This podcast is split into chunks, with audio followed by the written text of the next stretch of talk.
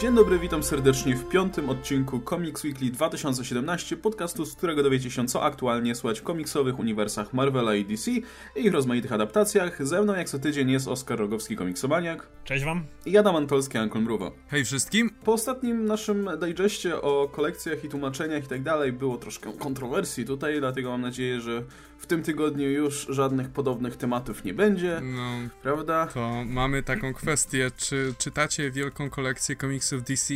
To do nas, czy do czytelników, do słuchaczy? Do, do, do, do, do was. Ja, ja, ja, nie słucham, y, znaczy ja nie, ja nie czytam. Nie słucham. Ja nie czytam, nie mam żadnych komiksów z wielkiej kolekcji DC w moim mateczniku. A...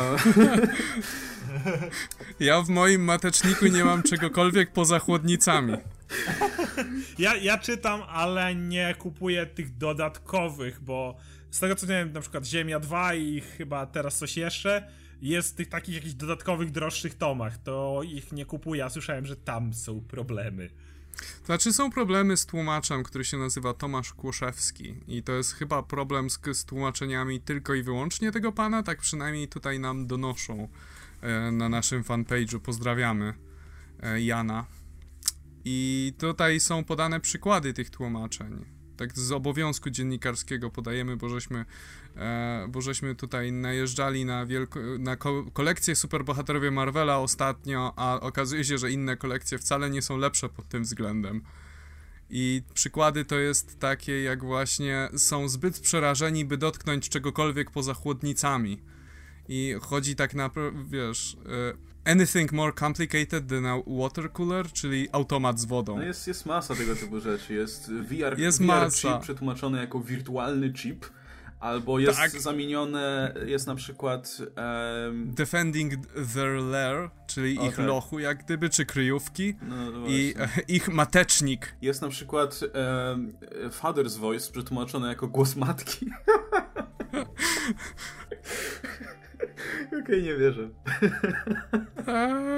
Okej. Okay. Nie, dobra, to, to, jest, to jest już grubszy poziom żenady, bo okej, okay, można, można wrzucić tekst do translatora i nie sprawdzić, co dane słowo oznacza, ale zamienić ojca na matkę to już jest po prostu wyższy poziom mienia wyjebane.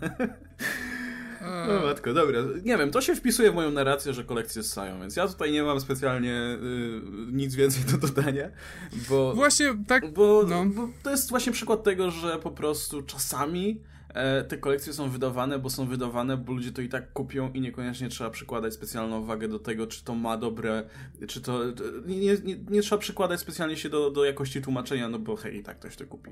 E, bo, bo to jest po prostu kolejna kolekcja, jaką dane wydawnictwo wydaje. Natomiast jestem oczywiście zawiedziony tym, że zdaje się e, Eagle Most współpracuje tutaj z Egmontem i do tej pory jakoś, nie wiem, miałem sporo tomów Egmontu w ręku, niekoniecznie z kolekcji, ale, znaczy niekoniecznie z kolekcji DC, ale ogólnie tłumaczenia tłumaczonych przez tłumaczy Egmontowych i nigdy takich problemów nie było. Zwykle te tłumaczenia były całkiem niezłe. Tutaj ktoś jakoś po drodze e, naprawdę dał dupy, że tak się kolokwialnie wyrażę.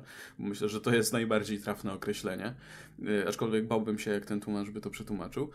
Unikajcie tego, no, jakby nie patrzeć. I, i tak jak mówiliśmy, no to, to jest najważniejsza rzecz, kurne, do tłumaczenia. Więc jeśli dostajecie tłumaczenie, które wygląda w ten sposób, to nic, tylko wypieprzyć na śmietnik, a wydawnictwo powinno po prostu przeprosić i najlepiej po prostu wydać to jeszcze raz i wysłać wszystkim poszkodowanym, bo, bo inaczej to, to jest żenujące. I to jest też takie małe ogłoszenie parafialne dla wszystkich, którzy, e, którzy tego nie, załapia, nie załapali. My nie mamy tutaj żadnego żadnego ulubionej, żadnej ulubionej kolekcji, którą będziemy chronić, chociaż kochamy wszyscy. Ani ulubionego wydawnictwa na tą modłę. No chyba, że Eagle Moss, prawda? ale my nie. Jakby. Nie, żartuję sobie, ale nie, jeżeli po prostu jakiekolwiek wydawnictwo, czy jakakolwiek kolekcja robi coś złego, to nam się to nie podoba i to nie jest, to nie jest kwestia jakiejś lojalności, czy tegoś nie dostajemy, przynajmniej ja nie dostaję komiksów za to, że gadam tutaj o nich co tydzień, więc... No ostatnio niestety, niestety siłą rzeczy o tych kolekcjach mówimy, no bo nieciekawy klimat się wokół nich tworzy, cały, cały czas się, no, się, się, pojawia jakaś niepokojąca wieść o tłumaczeniu, albo o wydaniu, albo o czymś.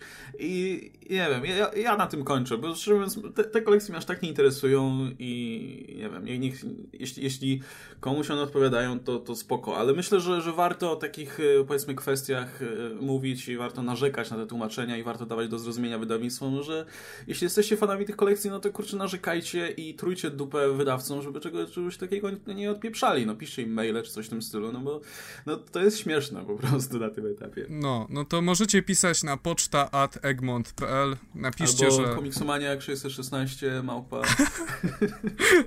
Nap napiszcie, że Comics Weekly was wysłało, żeby napisać te bluzki. tak, tak, napiszcie, że to od Comics Weekly. Po prostu zarobimy sobie wrogu dosłownie wszędzie. To, to będzie idealne. No, oczywiście musimy pamiętać o tym, że tłumaczenie tomu to jest e, praca wielu ludzi, nie tylko i wyłącznie tłumacza, jest jeszcze korekta, jest jeszcze redakcja i oni mają swoje, mogą mieć swoje własne poprawki i oczywiście tłumacz, który się podpisuje pod tym ponosi największą odpowiedzialność, bo on jak gdyby to firmuje, ale to niekoniecznie musi być jego wina, więc musimy o tym pamiętać. Tym bardziej, że no, powiedzmy, zanim to tłumaczenie trafi do druku, przychodzi pewien proces jednak i, i jeśli na, na tylu etapach, powiedzmy, ktoś tego nie zauważył, no to coś jest nie tak.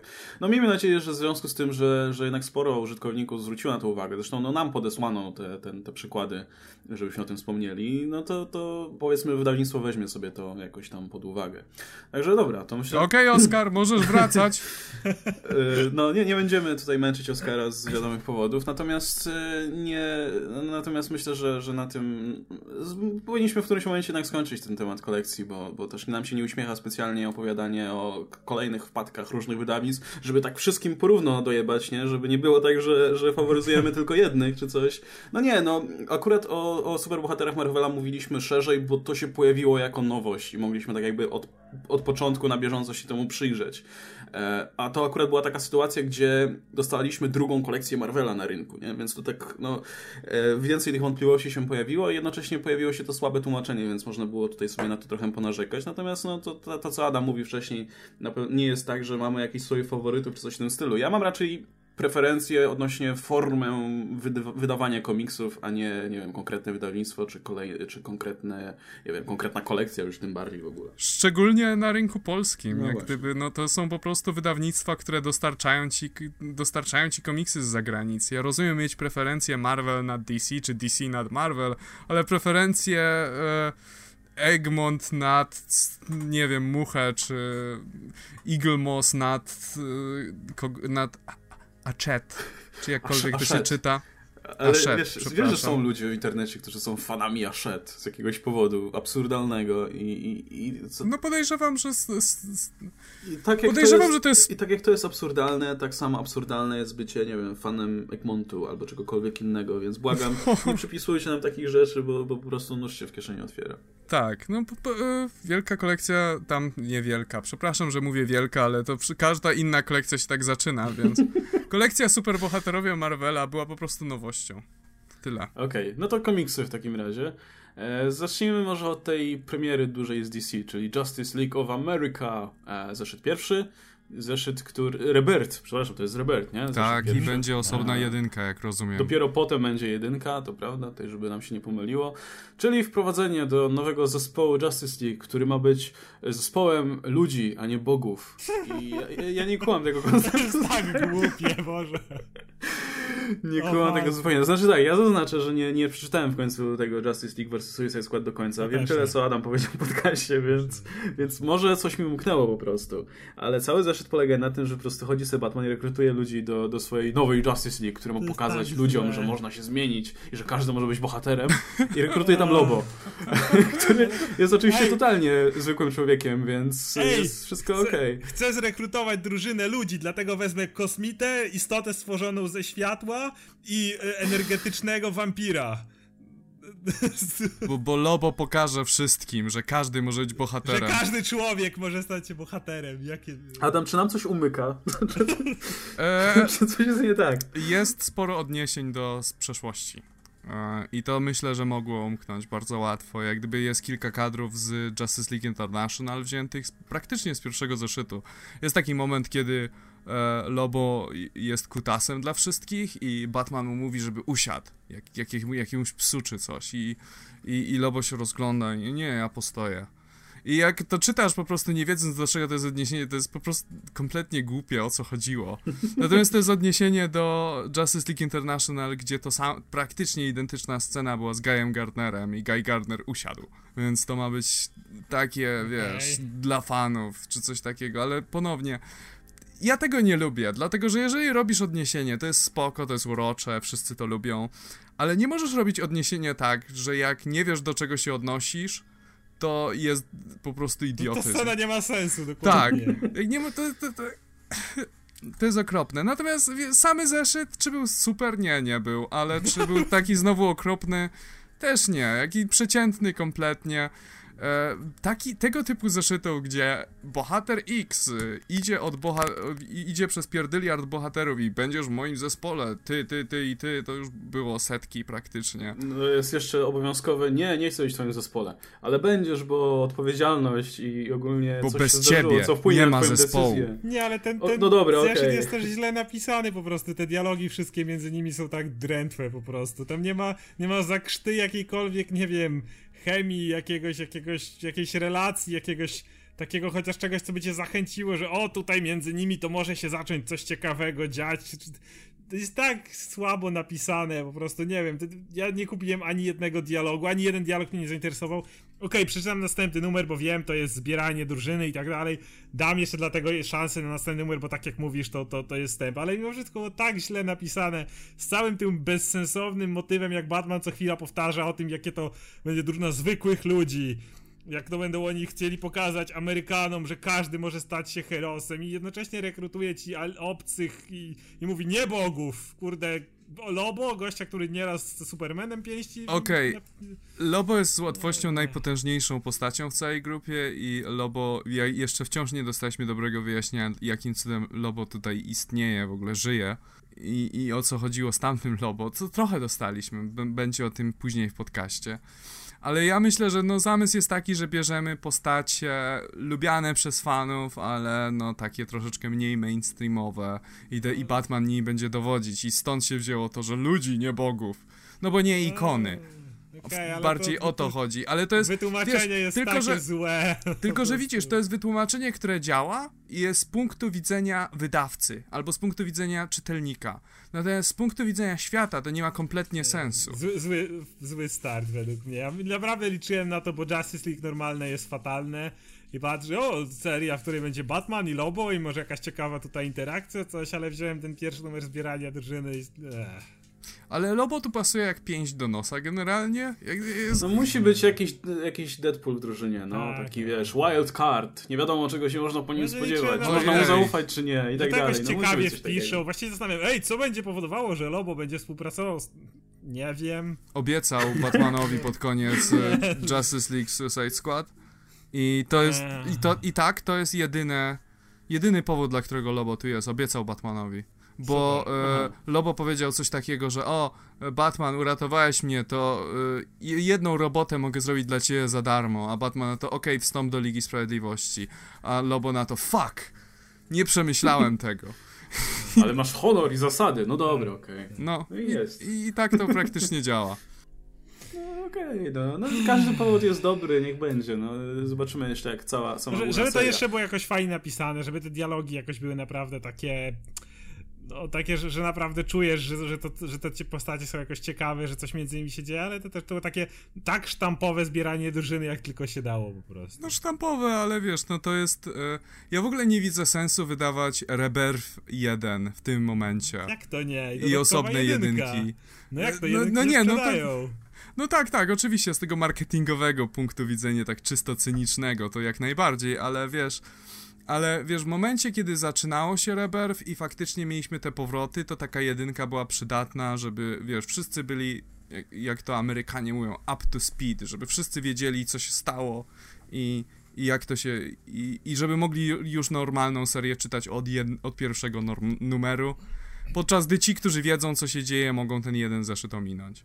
W tym wypadku to nie ma kompletnie sensu. E, I jest to po prostu e, równie dobrze mogliby dać na w pierwszym na pierwsza strona właściwej jedynki e, Batman zebrał tych bohaterów i lista. W sumie.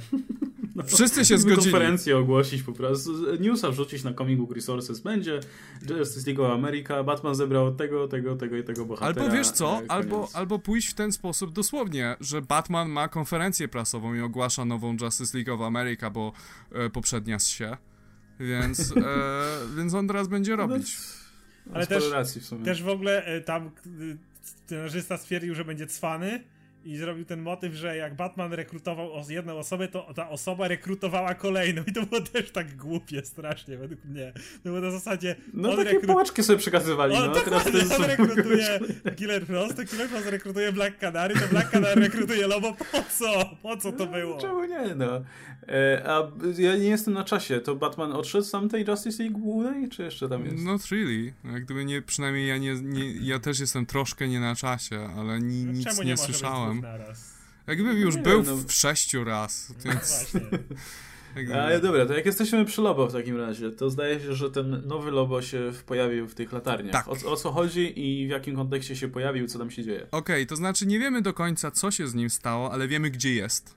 I nie jest martwy, nie jest martwy, jak najbardziej żyje, więc jeżeli DC chciałoby go kiedyś użyć w przyszłości, no to droga wolna. Aczkolwiek nie spodziewałbym się go prędko, dlatego że w tej chwili latarnie są w wielkim pojedynku z Brainiakiem, który również żyje. E, I Brainiac w tym momencie współpracuje z Lara Freezem, czyli e, pom agentem pomarańczowym. To już jest ma sens w sumie. Tak. Ale to już, się, to już się skończyło ten wątek.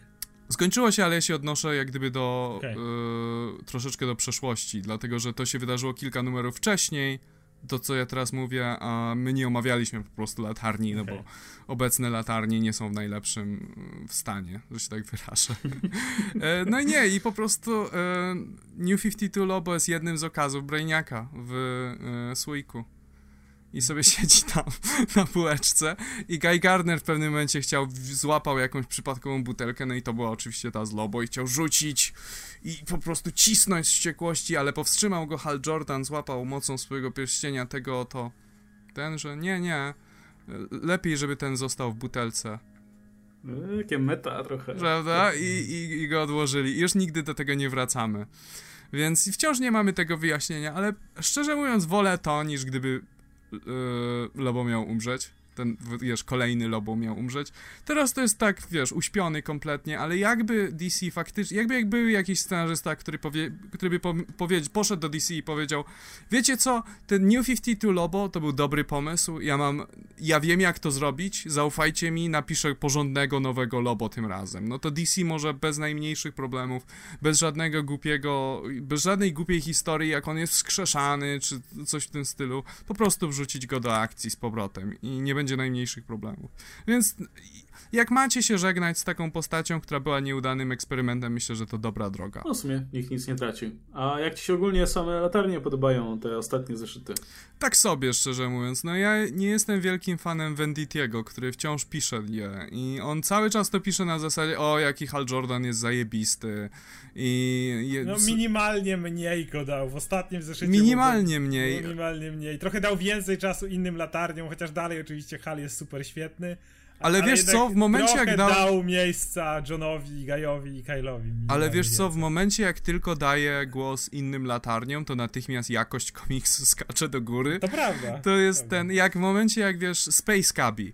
Tak. Space Cabi to jest postać, której nie widziałem w komiksie, no, nie wiem od kiedy, jak gdyby w, naprawdę co? dawno temu. Wydaje mi się, że, bo obejrzałem odcinek Justice League Action tego, tego i tam no. się pojawił Space Cabi, więc nie zdziwię się, że tak... To było synchronizowane, że... Tak. Tak, tak. Okej. Okay. No Space, Space to jest gościu, który prowadzi kosmiczną taksówkę w DC.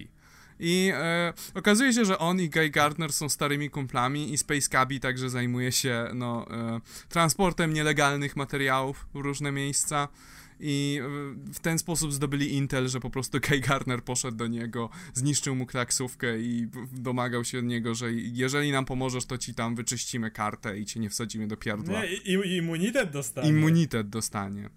I, no, i to, to było całkiem urocze. E, mhm. Podobał mi się też, wiesz, cały motyw z Kylem, jak wiesz, jak, jak... Relacja Kyla i Hala jest faktycznie taka troszkę jak pomiędzy starszym i młodszym bratem, gdzie oni się, wiesz, kuksy, kuksy w bok i nie są, i, i, się zachowują względem siebie ostro, ale mają do siebie wzajemny szacunek ale i taki, nie wiesz, czułeś, i troskę. że trochę te I to było troszkę... Kyla, trochę wymuszone dowcipy tak, było, Kyla? było ostro wymuszone z każdej strony i No. dowcipy Hala były równie wymuszone. Z tym, że to jest część jakby jego charakteru. On zawsze dawał wymuszone dowcipy, więc wiesz... To ja jest w tym komiksie... dla mnie... Ja w tym komiksie bardziej doceniłem Johna Stewarta, który był zawsze moją najmniej ulubioną latarnią. E, a tutaj w roli lidera całkiem fajnie się sprawdza.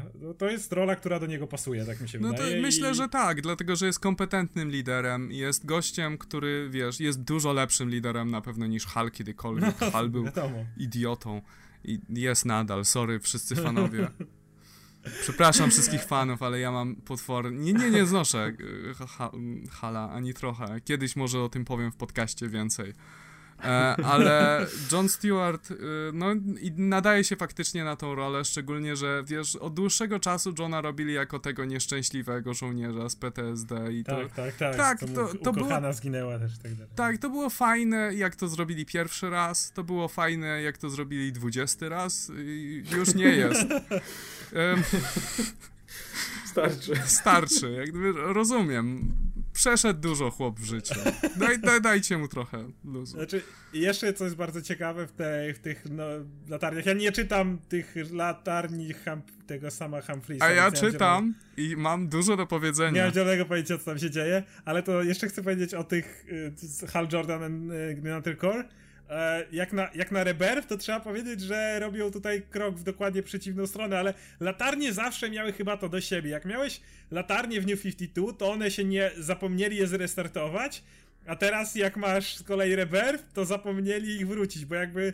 Czy ja wiem? Ja... jest taka, że Rebirth ma polegać na powrocie do tego trochę klasycznego wizerunku, a tutaj stawiamy zupełnie nowy krok. Nawet w tym komiksie wyraźnie ci wprost John Stewart to mówi, że stawiają krok, którego nigdy w życiu w historii latarni nie postawiono i łączą żółty i niebieski, i, pfu, żółty i zielony korpus niejako w jedność. I teraz, jak oni będą latali jako partnerzy w akcji, to będzie zawsze jedna żółta i jedna zielona latarnia. Ja myślę, że to zmierza do bardzo konserwatywnego kroku, żeby przywrócić status quo tak naprawdę i wyjaśnię ci dlaczego. I jednym z powodów jest Soranik Natu, która jest jedną z klasycznych zielonych no nie klasycznych, ale jest jedną z bardzo znanych zielonych latarni, przez dłuższy czas była, no i od jakiegoś czasu jest zielona, fu, jest żółta w sensie żółtą latarnią. No i teraz, e, no i teraz jak gdyby ta współpraca, ma, moim zdaniem, to jest po prostu ubicie ścieżki dla Soranik, żeby mogła spokojnie wrócić do zielonych latarni. E, tak samo pojawia się w tym zeszycie Saint Walker. E, na, samym no, na samym końcu się pojawia kolejny powrót. E, wrócił e, Gantet, ja, kilka zeszytów temu. To jest też kolejne, kolejna postać, której w latarniach nie było od dłuższego czasu. E, Kyle Rayner wrócił jak gdyby na pierwszy plan wśród zielonych latarni, a nie, wie, nie wiesz, nie z Omega Man czy coś w tym guście, więc ja myślę, że to zmierza raczej do powrotów. Tak, po drodze będzie kilka transformacji, przemian, jakichś innych turbulencji, ale to jest charakterystyczne dla zielonych, jak gdyby zawsze tak ja, było. Ja, ja bym nie miał nic przeciwko widzieć przez przynajmniej parę lat y, ten taki Green Lantern Core w połączeniu z tymi żółtymi, ale nie Sinestro, tylko Soranik właśnie. Ale i, może i to dostaniesz. Dynamikę. Jeżeli, ja nie wiem, wiadomo, za parę lat, okej, okay, może wrócić Sinestro, powiedzmy za dwa lata wróci sobie Sinestro, znowu się odbuduje, wiadomo, komiksy się, no, jest, jest te koło, które się toczy i gdzieś tam to wraca, ale jeżeli przez dwa lata, czy ileś miałbym czytać... Yy, wspólny korpus żółto-zielony, to nie miałbym absolutnie nic przeciwko. Tym bardziej, że Soranik i John wydają mi się całkiem dobrze współpracującymi liderami i to może być całkiem fajna relacja. Wiesz co, dla mnie Sinestro to zawsze była taka najsłabsza strona Zielonych Latarni, najsłabszy złoczyńca i wiem o tym, że dostanę za to kupę hejtu prawdopodobnie, bo jest masa fanów Sinestro, ale wiesz, masz e, masz takie postacie jak Lar Freeze, czy wiesz, czy inni złoczyńcy, którzy są bardzo interesujący, bardzo, in, wiesz, bardzo wyglądają kosmicznie i obco i masz gościa, który się nazywa Sinestro i ma... I ma wąsa. I ma wąs zakręcony. I, i, wiesz, jest praktycznie Dick Dastardly, tylko że fioletowy. Więc ilekroć próbują, ilekroć, wiesz, Sinestro nigdy go do końca nie traktowałem na poważnie. Sinestro potrafi być przerażającym złoczyńcą, ale wiesz, ilekroć sobie przypomnisz, kim on jest i jak on wygląda, to jak gdyby to się za każdym razem troszeczkę załamuje, więc ja się cieszę, że go nie będzie przez jakiś czas jeszcze. Być może, oby, proszę. No ja, ja nie mam nic przeciwko, bo podoba mi się I... ten nowy status tych żółtych latarni właśnie w tak, tej tak, formie, ja też, przedstawiają. Ja też bym... Spuszczą ci to w kiblu, tak jak czerwone latarnie. Pewnie no, tak, no. Jestem prawie pewien. Sam Humphries się za to weźmie, a będzie. Sam Humphries robi lepsze rzeczy w tej chwili, to się, poczekajcie, aż usłyszycie, co się tam dzieje. No to dajesz, bo to... No to słuchamy. No, to, e, no sam Humphrey, jest taka stara, wiesz, zasada, jak coś nie działa, to wrzuć tam Batmana i się sprzeda. Okay. Więc y, chyba sam Humphreys o tym słyszał i postanowił dokładnie to zrobić. I w tej chwili. Kto mu dał Batmana? Kto dał mu do pisania Batmana? I w tej chwili, i w tej chwili Green Lanterns, nasi ulubieni superbohaterowie, E, ruszają do Gotham, żeby tam razem z Batmanem rozwiązywać zbrodnie. Nie, nie żartuję. Dlatego, że nagle w Gotham wszyscy dostają ataków żółtej energii i stają się kutasami i zaczynają bić ludzi i chcą zabić Batmana. Ale I... to normalne Gotham. No jest normalne w Gotham, ale mają przy tym żółte oczy i to jest niepokojące. Aha, okej. Okay. E, I wiesz, i on oczywiście wezwał najlepsze zielone latarnie, czyli... Wiesz, to, to, już, to już naprawdę jak autoparodia pisane. Tak, i, i wiesz, i, i w ogóle i jest, tam jest motyw nawiedzonych filmików na YouTubie, dlatego, że są, słuchaj, są filmiki na YouTubie, w których jest musisz zabić nietoperza, bo nietoperz chce cię dopaść i coś takiego, jak tylko zobaczysz ten to filmik, jest to... normalny YouTube, no. To, jak tylko zobaczysz ten filmik, to masz ochotę zabić Batmana i oczy ci się robią żółte. Okay. E, to się chyba nie dzieje na naszym YouTube. Przynajmniej nie, nie wiem, nie patrzyłem, okay. ale. E, no i e, oczywiście okazuje się. Ja będę spoilować tę serię, bo tak szczerze nie czytajcie jej. więc dam wam spoilery, dam wam spoilery, więc nie będziecie nawet musieli.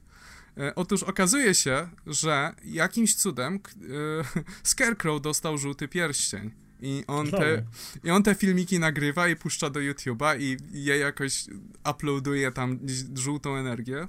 Przepraszam, żółty pierścień na, dostał. Na YouTubie uploaduje tak. żółte spektrum to, światła. Premier ma w nowej wersji taką opcję, no. dodać energię pierścienia. Wiesz, świat... Pierścienie to jest technologia, nie? Więc okay, tak, można. Ej, ale od czego są światłowody, prawda? Mają puszczać światło, więc, więc to tak działa. Nakładasz odpowiedni filtr żółty i tam tak, działa. rozumiem, tak. No i, i, i, i tak to działa i dlatego właśnie i dlatego właśnie Batman ich potrzebował. Więc... Czekam aż, aż uwięził, uwięził Paralaksa w internecie po prostu. No. Czy czekam aż Humphries to zrobi i będzie tajne zamknięcie Paralaksa. Gdzie? W sieci. Wiesz, i, i, będzie energia żółta, która krąży po po Też w sumie, tak jak mówisz, ta seria prawie tym jest. Wiesz co, no tak... W momencie, jak się przenieśli do Gotham, to sobie przypominasz, że hej, te postacie kiedyś były fajne, albo przynajmniej miały potencjał i tylko sam Humphries jest beznadziejny, bo jak gdyby, jak sam Humphries pisze Batmana, to jest Batman się robi beznadziejny nagle, jak gdyby też taki odwrotny Midas. Cokolwiek nie dotknie, zmienia się w gówno. Więc... No tak, ten, ten, ten facet ma taki talent. jest taki motyw, gdzie wiesz, gdzie Alfred ogląda jeden z tych filmików. I po prostu to nie jest to, że go specjalnie wyszukał, jak zabić Batmana, czy coś takiego, tylko po prostu leciał w tle. I natychmiast, wiesz, i natychmiast y, Alfred się stał kompletnie wściekły i wziął, wziął kubek z kawą i rozwalił Simonowi na, o, o łeb. I, I, z jednej strony to jest takie lekkie katharsis, bo sam chcesz to zrobić od pierwszego zeszytu. Ale z drugiej strony, jak gdyby tak, come on, to jest potwornie pisane. I nie, nie polecam. E, Green Lantern wciąż się. Taki news flash. No właśnie, jeżeli ktoś chce czytać Zieloną Latarnię, to według mnie od kiedy zaczę... od kiedy prze, e, trochę spuścił z tonu ten, ten, ten cały motyw. Hal, jestem taki zajebisty, no. lecę, wpierdolę wszystkim. Trochę zacząłeś to rozkładać na inne latarnie. Ten ostatni zeszyt szczególnie mi się podobał. Tak, Właśnie tak, ostatni to, był całkiem spoko. rozłożyła się ta fabuła i masz trochę, trochę Hala, trochę Johna, trochę Gaja, trochę Kyla. Każdego po trochu dostałeś, a nie wielkie fapowanie na Halu. I to uważam zaczyna być całkiem nieźle, więc jak ktoś chce czytać latarnię, to według mnie ta seria zaczyna się robić lepsza. Tak. Więc tak. moim zdaniem w ogóle, moim, moim zdaniem w ogóle Rebirth nie był szczególnie łaskawy dla latarni i jak gdyby przy, chciałbym mi się nie podoba to, że mamy Hal Jordan and the Green tak. Lantern Corps. Ja bym chciał dostać osobny tytuł, jeden z główną latarnią, Green Lantern, i o wszystkich latarniach Green Lantern Corps. Z tym, że ja bym chciał, żeby nie było tak, że Hal jest główną latarnią zawsze. Chciałbym, żeby się ta główna latarnia co jakiś czas wymieniała i przez jakiś, nie wiem, rok, żeby główną latarnią był Kyle Rayner, czy przez rok by był główną latarnią John Stewart, przez rok główną latarnią byłby Guy Gardner i tak dalej, i tak dalej, i tak dalej bo e, jak gdyby każda z tych postaci ma swoją własną fanbazę i myślę, że to by też pomogło utrzymać, wiesz, pewną świeżość. Poza tym też każdy scenarzysta miał prawo, miałby prawo wybrać, kto chce, żeby był, żeby każdy scenarzysta ma pra miałby prawo wtedy wybrać, kogo by chciał za swojego głównego latarnika i tyle. I to, to by było coś, co ja bym z chęcią czytał i na co czekam. No tutaj, tutaj niestety jest te same fatum, powiedzmy, Batmana, czyli dlaczego we wszystkich komiksach ich da się, wciska się Batmana i, i tak dalej. I tutaj jest na dużo mniejszą skalę, ale jednak z latarni, no je, głównym bohaterem, którego znają wszyscy, nie tylko dzięki wspaniałemu filmowi z Ryanem Reynoldsem, ale też z masy innych źródeł, no to jest Hal Jordan i myślę, że tutaj wydawnictwo może trochę się boi teraz póki co yy, dać komuś innemu wodze, w sensie no ale serio, da, naprawdę i, i myślisz, tak, że... I tak eksperymentują, i tak już eksperymentują oczywiście z samym Humphreys, więc efekt jest jaki jest, ale eksperymentują dając Green Lanterns na kompletne no-name'y, więc może tak na wszelki wypadek, skoro tutaj dają to, to, boją, to boją się i tutaj umieszczają jednak Hala na pierwszy plan, żeby tak, każdy Tak, bardzo wiedział, tradycyjnie. No.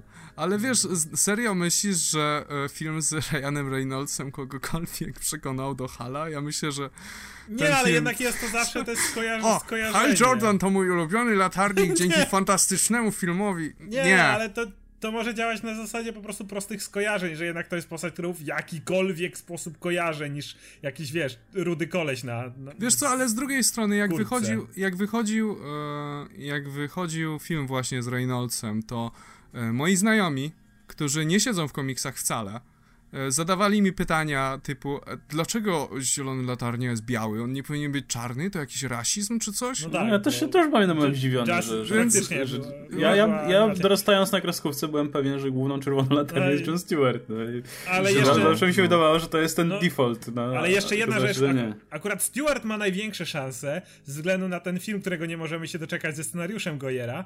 E, I wydaje mi się, że tutaj Stewart ma, jeszcze, jeżeli ktoś ma szansę, to faktycznie Stewart jeszcze dostać coś, ale wydaje mi się, że póki jeszcze te DCU powstaje i póki na horyzoncie jest ten film i jeżeli oni mogą trafiać informacje o filmie, w którym ma być Hal i John, to jednak to będą najbardziej postacie wypychane, chyba że to gdzieś upadnie, to wtedy może zrobią coś innego. Ale jednak cały czas moc filmowa działa, co widać chociażby po obecnym Suicide Squad, czy o postaciach, chociażby w tej lidze, przepraszam, tak, w tej lidze, którą właśnie zebrał Batman, no, no, no. które w większości są odbiciem seriali CW. No tak, więc... trochę tak. No poza Lobo, a może dostanie. Więc, no tak, tak. Więc, więc wyda... No Lobo jest wiadomo. Natomiast Ale wiesz... wydaje mi się, że, że jednak ta. Jeżeli pewnym dowiesz się, że ten, ten projekt poszedł do kosza, to kto wie, ale póki co wydaje mi się, że jednak Hal i dru na drugim planie, jeżeli już to John będą teraz. Y, no.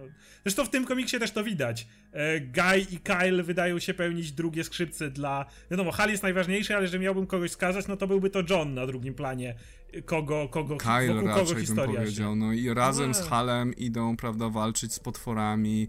A, ale z drugiej jest... strony cała druga linia fabularna kręci się wokół Johna. Kyle jest tylko no tak, side... prawda. Kyle jest sidekickiem Hala. O Jezus, niejako. to jest tak chujowe. Przepraszam, no tak. ale Kyle jest... jest Kyle biały, powinien mieć swoją... Kyle jest biały. No, no biały, jest. tak. powinien mieć swoją osobną serię. Jest tak fantastyczną postacią. On w ogóle powinien być głównym zielonym, tak naprawdę. I przez dłuższy czas był. Ale, ale. Jeff Jones przyszedł i stwierdził, że Hal Jordan był najlepszym latarnikiem, jaki kiedykolwiek był, więc wrócił do świata żywych i wcale nie był Hitlerem, chłopaki. Natomiast tutaj więc... właśnie, dlatego jak patrzysz na ten komiks, to masz dwie linie fabularne. Jedna kręci się wokół Hala i ma swojego wiernego sidekicka Kyla, a druga kręci się wokół Johna, jakby nie patrzeć. Więc no tak. Się, no. tak będzie. I, ta, I wydaje mi się, że tak będzie to pisane. No dopóki nie anulują tego film. filmu z tak, zielonymi tak. latarniami, bo jestem prawie pewien, że go anulują. więc, więc, więc jeżeli chcesz, to Guy będzie to najwyżej sidekickiem Johna, albo jego chłopcem do brudnej roboty, którą, którym jest od jakiegoś czasu. Wygląda tak, że John mówi coś do Guy'a, Guy leci, brudzi sobie ręce i załatwia sprawę. I Guy pracuje właśnie jako taki enforcer Johna, a, a Kyle jest sidekickiem Hala, no sorry. Eee... No Okej. Okay. Każda z tych postaci, i to jest jeden z urok w ogóle z Zielonych Latarni, że każda z tych postaci ma jak gdyby swoje własne, swój własny potencjał i każda z nich byłaby w stanie pociągnąć swój solowy film, czy swoją solową serię. I e, co mnie strasznie irytuje w DC, to to, że oni od dawna postanowili, że hej, mamy te fantastyczne postacie z takim ogromnym, ciekawym backstory, nie używajmy ich. Teraz, no będą, i... teraz będą postacie te, które CW będzie są te serie The Ray czy coś takiego, które, no, bo trzeba, ma być serial. Trzeba zacząć Killer petycję, Frost, żeby. Jest popularna na CW. Trzeba zrobić petycję, żeby CW zrobiło serial, serial o Gaju Gar Gardnerze, e, najlepiej Warrior ten z lat 90. to, to, byś, to byś nagle zobaczył, jak, jak tak. w Gaju budzi się jego krew i zmienia się Warriora. Tak, tak. Wulduriańska. No to, to by było coś. To nie jest zły pomysł, trzeba zacząć kampanię. Okej, okay, dobra, tyle myślę, że jeśli chodzi o Zielone Latarnie. Update myślę całkiem e, pokaźny tutaj wyszedł. E, to dobra, to dla odmiany skoczmy sobie do, do Marvela i omówmy tą jedyną, w sumie jedynkę, jaka się w Marvelu pojawiła, czyli Kingpin. E, Kingpin, który myślę, że wynika głównie, no może nie głównie, ale między innymi z tego, że dobrą, dobrym tajnem do Civil War 2 był Kingpin. Plus oczywiście mamy dużą popularność Kingpina serialowego z seriali Netflix. E, z Daredevila oczywiście przede wszystkim, który myślę, że też był dużą inspiracją dla scenarzysty tego nowego komiksu, bo ja czytając ten komiks miałem w głowie tak. praktycznie wizerunek Vincenta D'Onofrio. To jest taki no, właśnie no. Kingpin, którego znamy z serialu, czyli z jednej strony jest groźny i wiemy to gdzieś tam z tyłu głowy, ale jednocześnie widzimy go tego czarującego człowieka, który e, za tą swoją troszkę może nieprzyjemną aparycją skrywa jednak tutaj e, duże pokłady takiej właśnie dżentelmeńskości i tak dalej. I mi się to podobało. To znaczy przede wszystkim podoba mi się w tym komiksie to, że on jest jednak oparty. Protagonistą nie jest Kingpin, tylko jest to nowa bohaterka, która jest dziennikarką, e, która mm, no, ma dosyć taką e, nieprzyjemną przeszłość, problemy alkoholowe i tak dalej. No i dostaje możliwość e, no, pisania o Kingpinie, właśnie poznania go lepiej. No i właśnie jej oczami tę postać poznajemy. W związku z tym mamy trochę ograniczone pole widzenia i ja szczerze mówiąc złapałem się nad tym, że czytając ten komiks, tak się wkręcałem w te dialogi i w te, ten wizerunek, jaki Kingpina tu jest wykreowany, że w którymś momencie zapomniałem, że to jest Kingpin, więc jak doszło do e, tego cliffhangera na koniec, dopiero, dopiero mnie uderzyło, że kurna, mówimy przecież o Kingpinie. E, także powiem szczerze, że nie, nie był to jakiś wybitny komiks, ale mnie zaangażował bardzo, głównie ze względu na to, że był bardzo ciekawie prowadzony, no i kurczę, podoba mi się pomysł z nową postacią, z jakby spojrzeniem na Kingpina z zupełnie innej strony. Jakie są wasze wrażenia? Ja czekam na zwrot fabularny większy, dlatego że jak do tej pory wszystko, co czytałem w tym zeszycie, to jest powtórka z Daredevila, z serialu. I to no wręcz, wiesz, te same sposoby uwodzenia, wysyłanie e, sukni, zapraszanie do, na kolację, zabiłem wielu ludzi, żałuję tego bardzo. I wiesz, prawie niektóre dialogi brzmiały wręcz jakby były przepisane. I, tak I wiesz, ja w dużej mierze takie, no okej, okay, fajne. Lubiłem ten odcinek w serialu, podobał mi się, więc fajna adaptacja, ale, ale czekam na jakiś większy zwrot fabularny, bo podejrzewam, że jednak to nie skończy się dokładnie tak samo jak w serialu, czyli że ona skończy jako tam jak wybranka no, Vanessa serca, już czy coś. była, jakby już, już, już no, Chodzi o to, że no ja, ja, mam podobne, ja mam podobne dokładnie co do ciebie, bo komiks był ok, ale na pewno nie, nie, jakiś nie powalił mnie na kolana, nie, nie wciągnął mnie jakoś niesamowicie właśnie przez to, tylko że mam nadzieję, że to zostanie uszanowana jednak dużo dłuższa przeszłość Kingpina. W sumie ten, ten komiks ma niejako się na nie opierać, bo ta dziennikarka ma napisać jego biografię. A pamiętajmy, że Kingpin miał tutaj żonę, Vanessę, Vanessa umarła, miał swojego syna i tak dalej. To, wspomniał tu nawet o swoim synu w tym, w tym komiksie. W pewnym jest w dialogu gdzieś coś o jego synu. Więc no jego historia jest jak zacznie dłuższa i mam nadzieję, że to będzie uszanowane. Także te, tak jak ty podchodzę do komiksu, był dobrze napisany, dobre dialogi, na pewno i to było fajne, ale jakoś sama fabuła nie była jakaś póki co wyjątkowo angażująca. Co mi się natomiast podobało, to pojawienie się Daredevila w ten sposób bardzo wycofany i mam nadzieję, że to będzie póki co tak prowadzone. Znaczy, mamy dziennikarkę, na pierwszym planie jakby jest ona i jej relacja z Kingpinem, a Daredevil, żeby to była dokładnie taka sama historia jak wszelkie historie Daredevila, tylko jakby opowiadana z zupełnie innej perspektywy. Że możemy sobie wyobrazić, że dokładnie moglibyśmy teraz czytać komiks Daredevila, w którym widzimy wszystko dokładnie od jego strony, jak on tutaj robi to dochodzenie, jak sprawdza Fiska, tą dziennikarkę, jakieś robi różne rzeczy, tylko w tym komiksie po prostu tego nie zobaczymy. Więc jeżeli to będzie w ten sposób prowadzone, to uważam, że może być całkiem niezłe, bo to jest zawsze fajny pomysł takiej odwr odwrotnej kamery, powiedzmy. Tak, to jest ciekawe, tylko że moim zdaniem trochę za bardzo zaznaczyli to, że jest to Daredevil z tym cieniem w tle. Jak gdyby przypomniało mi to jeden numer e, Deadpoola, gdzie walczył z, de z Daredevilem i Daredevil się przedstawił. E, Dzień dobry, jestem Daredevil i wcale nie jestem Mattem Murdockiem. Wiesz, no, troszeczkę było zbyt oczywiste, kto to jest i e, jak gdyby chciałbym móc przeczytać ten komiks wczuwając się w niego i wiesz, nie zapominając o tym.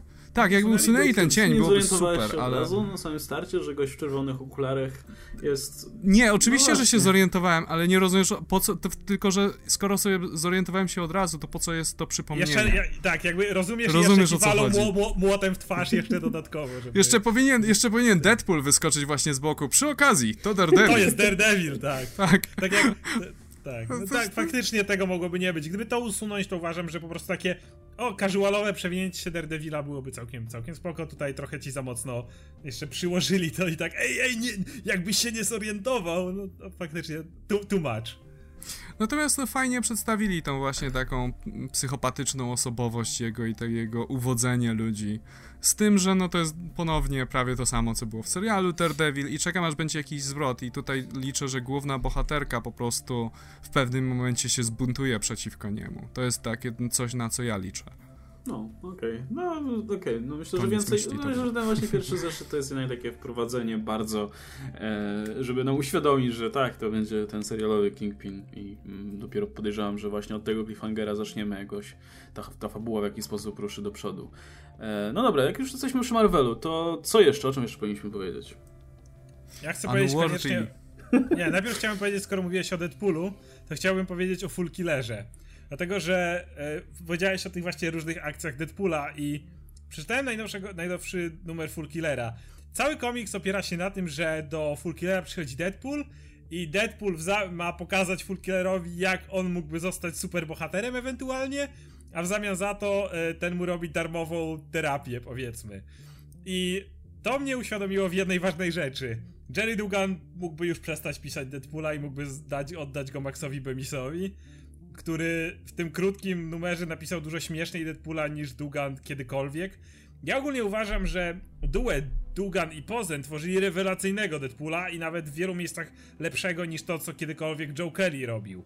E, ale, ale właśnie kluczem było to, co dopiero pokazało nam All New, All Different Marvel, że działali w duecie. Dugan pisał całkiem niezłe w historię, a Pozen był tutaj, to zajmował się stroną humorystyczną i powodował, że ten Deadpool faktycznie miał fajne dowcipy, co potem kontrastowało w takich komiksach jak Good, Bad and Ugly, kiedy od tego, od tego humoru można było uderzyć w cięższe tony, znowu wyjść do humoru i można było się tym fajnie bawić. Kiedy, kiedy cały Deadpool trafił tylko i wyłącznie w ręce Dugana, nagle to jakby osłabło i dalej Dugan pisał te swoje historie, ale humor jakby gdzieś tak trochę zszedł na inny poziom i przez to te nawet cięższe historie Dugana nie miały tego swojego kontrastu, przez to na przykład historia, która ma być o cierpieniu Deadpoola, w której on gania się z Sabertoothem, zamiast fajnie kontrastować, była tak dosyć płaska i się dłużyła i była po prostu nudna.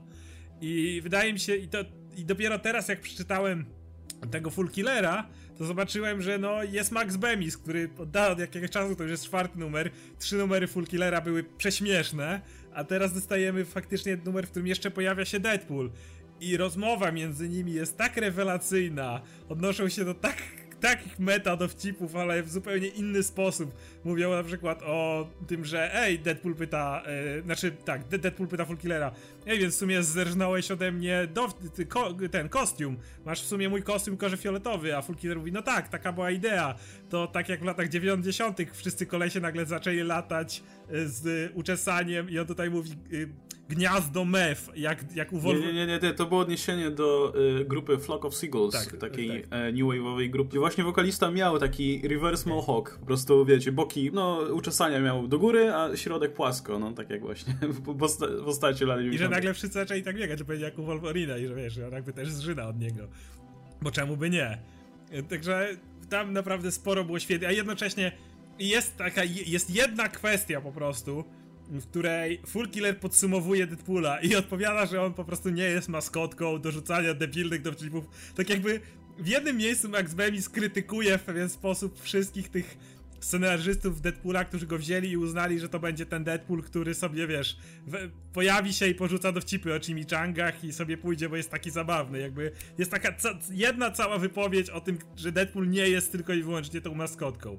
Także mam, jeżeli coś, to Dugan mógłby kończyć swoją serię, zająć się Guardiansami i, i Max Bemis świetnie pisze Full Killera i mógłby znowu wziąć się za Deadpoola, bo dzisiejszy Deadpool niestety po Marvel Now...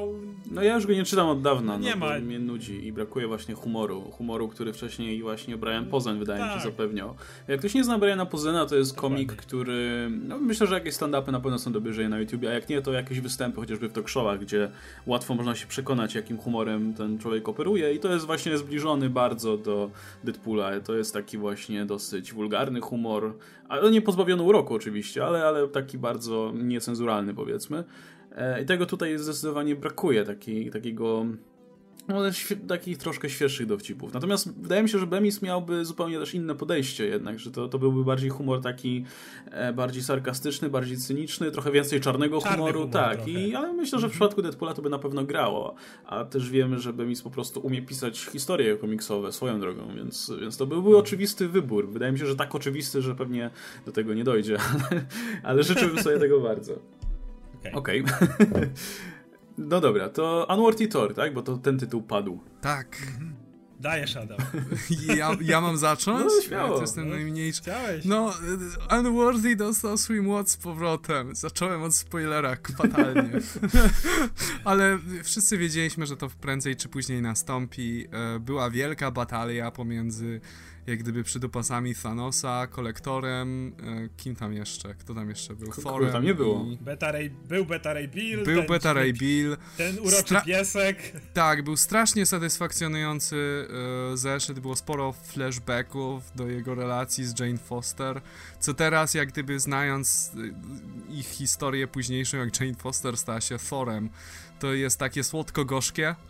I jak gdyby, nie, jest fantastycznie napisany zeszyt. Jeżeli tęsknicie za Odinsonem, tęskniliście, jak ja tęskniłem, no to to jest dla was, po prostu. Ja, ja uwielbiam tę miniserię. Akurat powiem, że ta, ten najnowszy zeszyt, o tyle co jest rewelacyjnie napisany, mógł być troszkę inaczej skonstruowany, ale te, te, te, całe ciągłe przeskoki z flashbackami były dla mnie takie trochę dziwne, aczkolwiek to, co chciały jakby przekazać, było absolutnie świetnie napisane jakby zamysł tego jest, jest rewelacyjny, bo to jest historia o dorośnięciu Thora. Wiemy, że jak Thor teraz podniesie ten młot, już położył na nim rękę, to jednak jak on wróci teraz jako Thor, będzie zupełnie inną postacią. To już nie będzie ten gość, który się pojawia, cnij wojownicy, idźmy dać w pierdol, a potem się ożełopmy, wiecie, i tak dalej. Masz wrażenie, że jednak ten Thor dorósł, że to będzie inna postać, trochę bardziej taki doświadczony wojownik. Zbliżający trochę... się do tego starego Thora. Tak, tak. I widzisz, że, że, on, że on przebywa tą drogę i już się staje kimś innym. I y, bardzo mi się podobało właśnie to, jak te, te wspomnienia z Jane Foster, które były też o tyle ważne, że ja trochę zarzucałem temu, że on nie może oddać swojego imienia i to jest głupie, że ona jest Tora, on nie jest. Ale jakby tutaj wyraźnie podkreślili, że to nie jest tak, że, że inni i y, jakby on, on, to on cały czas podkreśla, żeby go tak nie nazywać. Bo wcześniej było to, on raz to powiedział, że on musi zmienić imię i tyle. A tutaj jeszcze, a tutaj jeszcze zostało to tak jakby podkreślone, że on wręcz oburza się, jeżeli jest nazywany Thorem.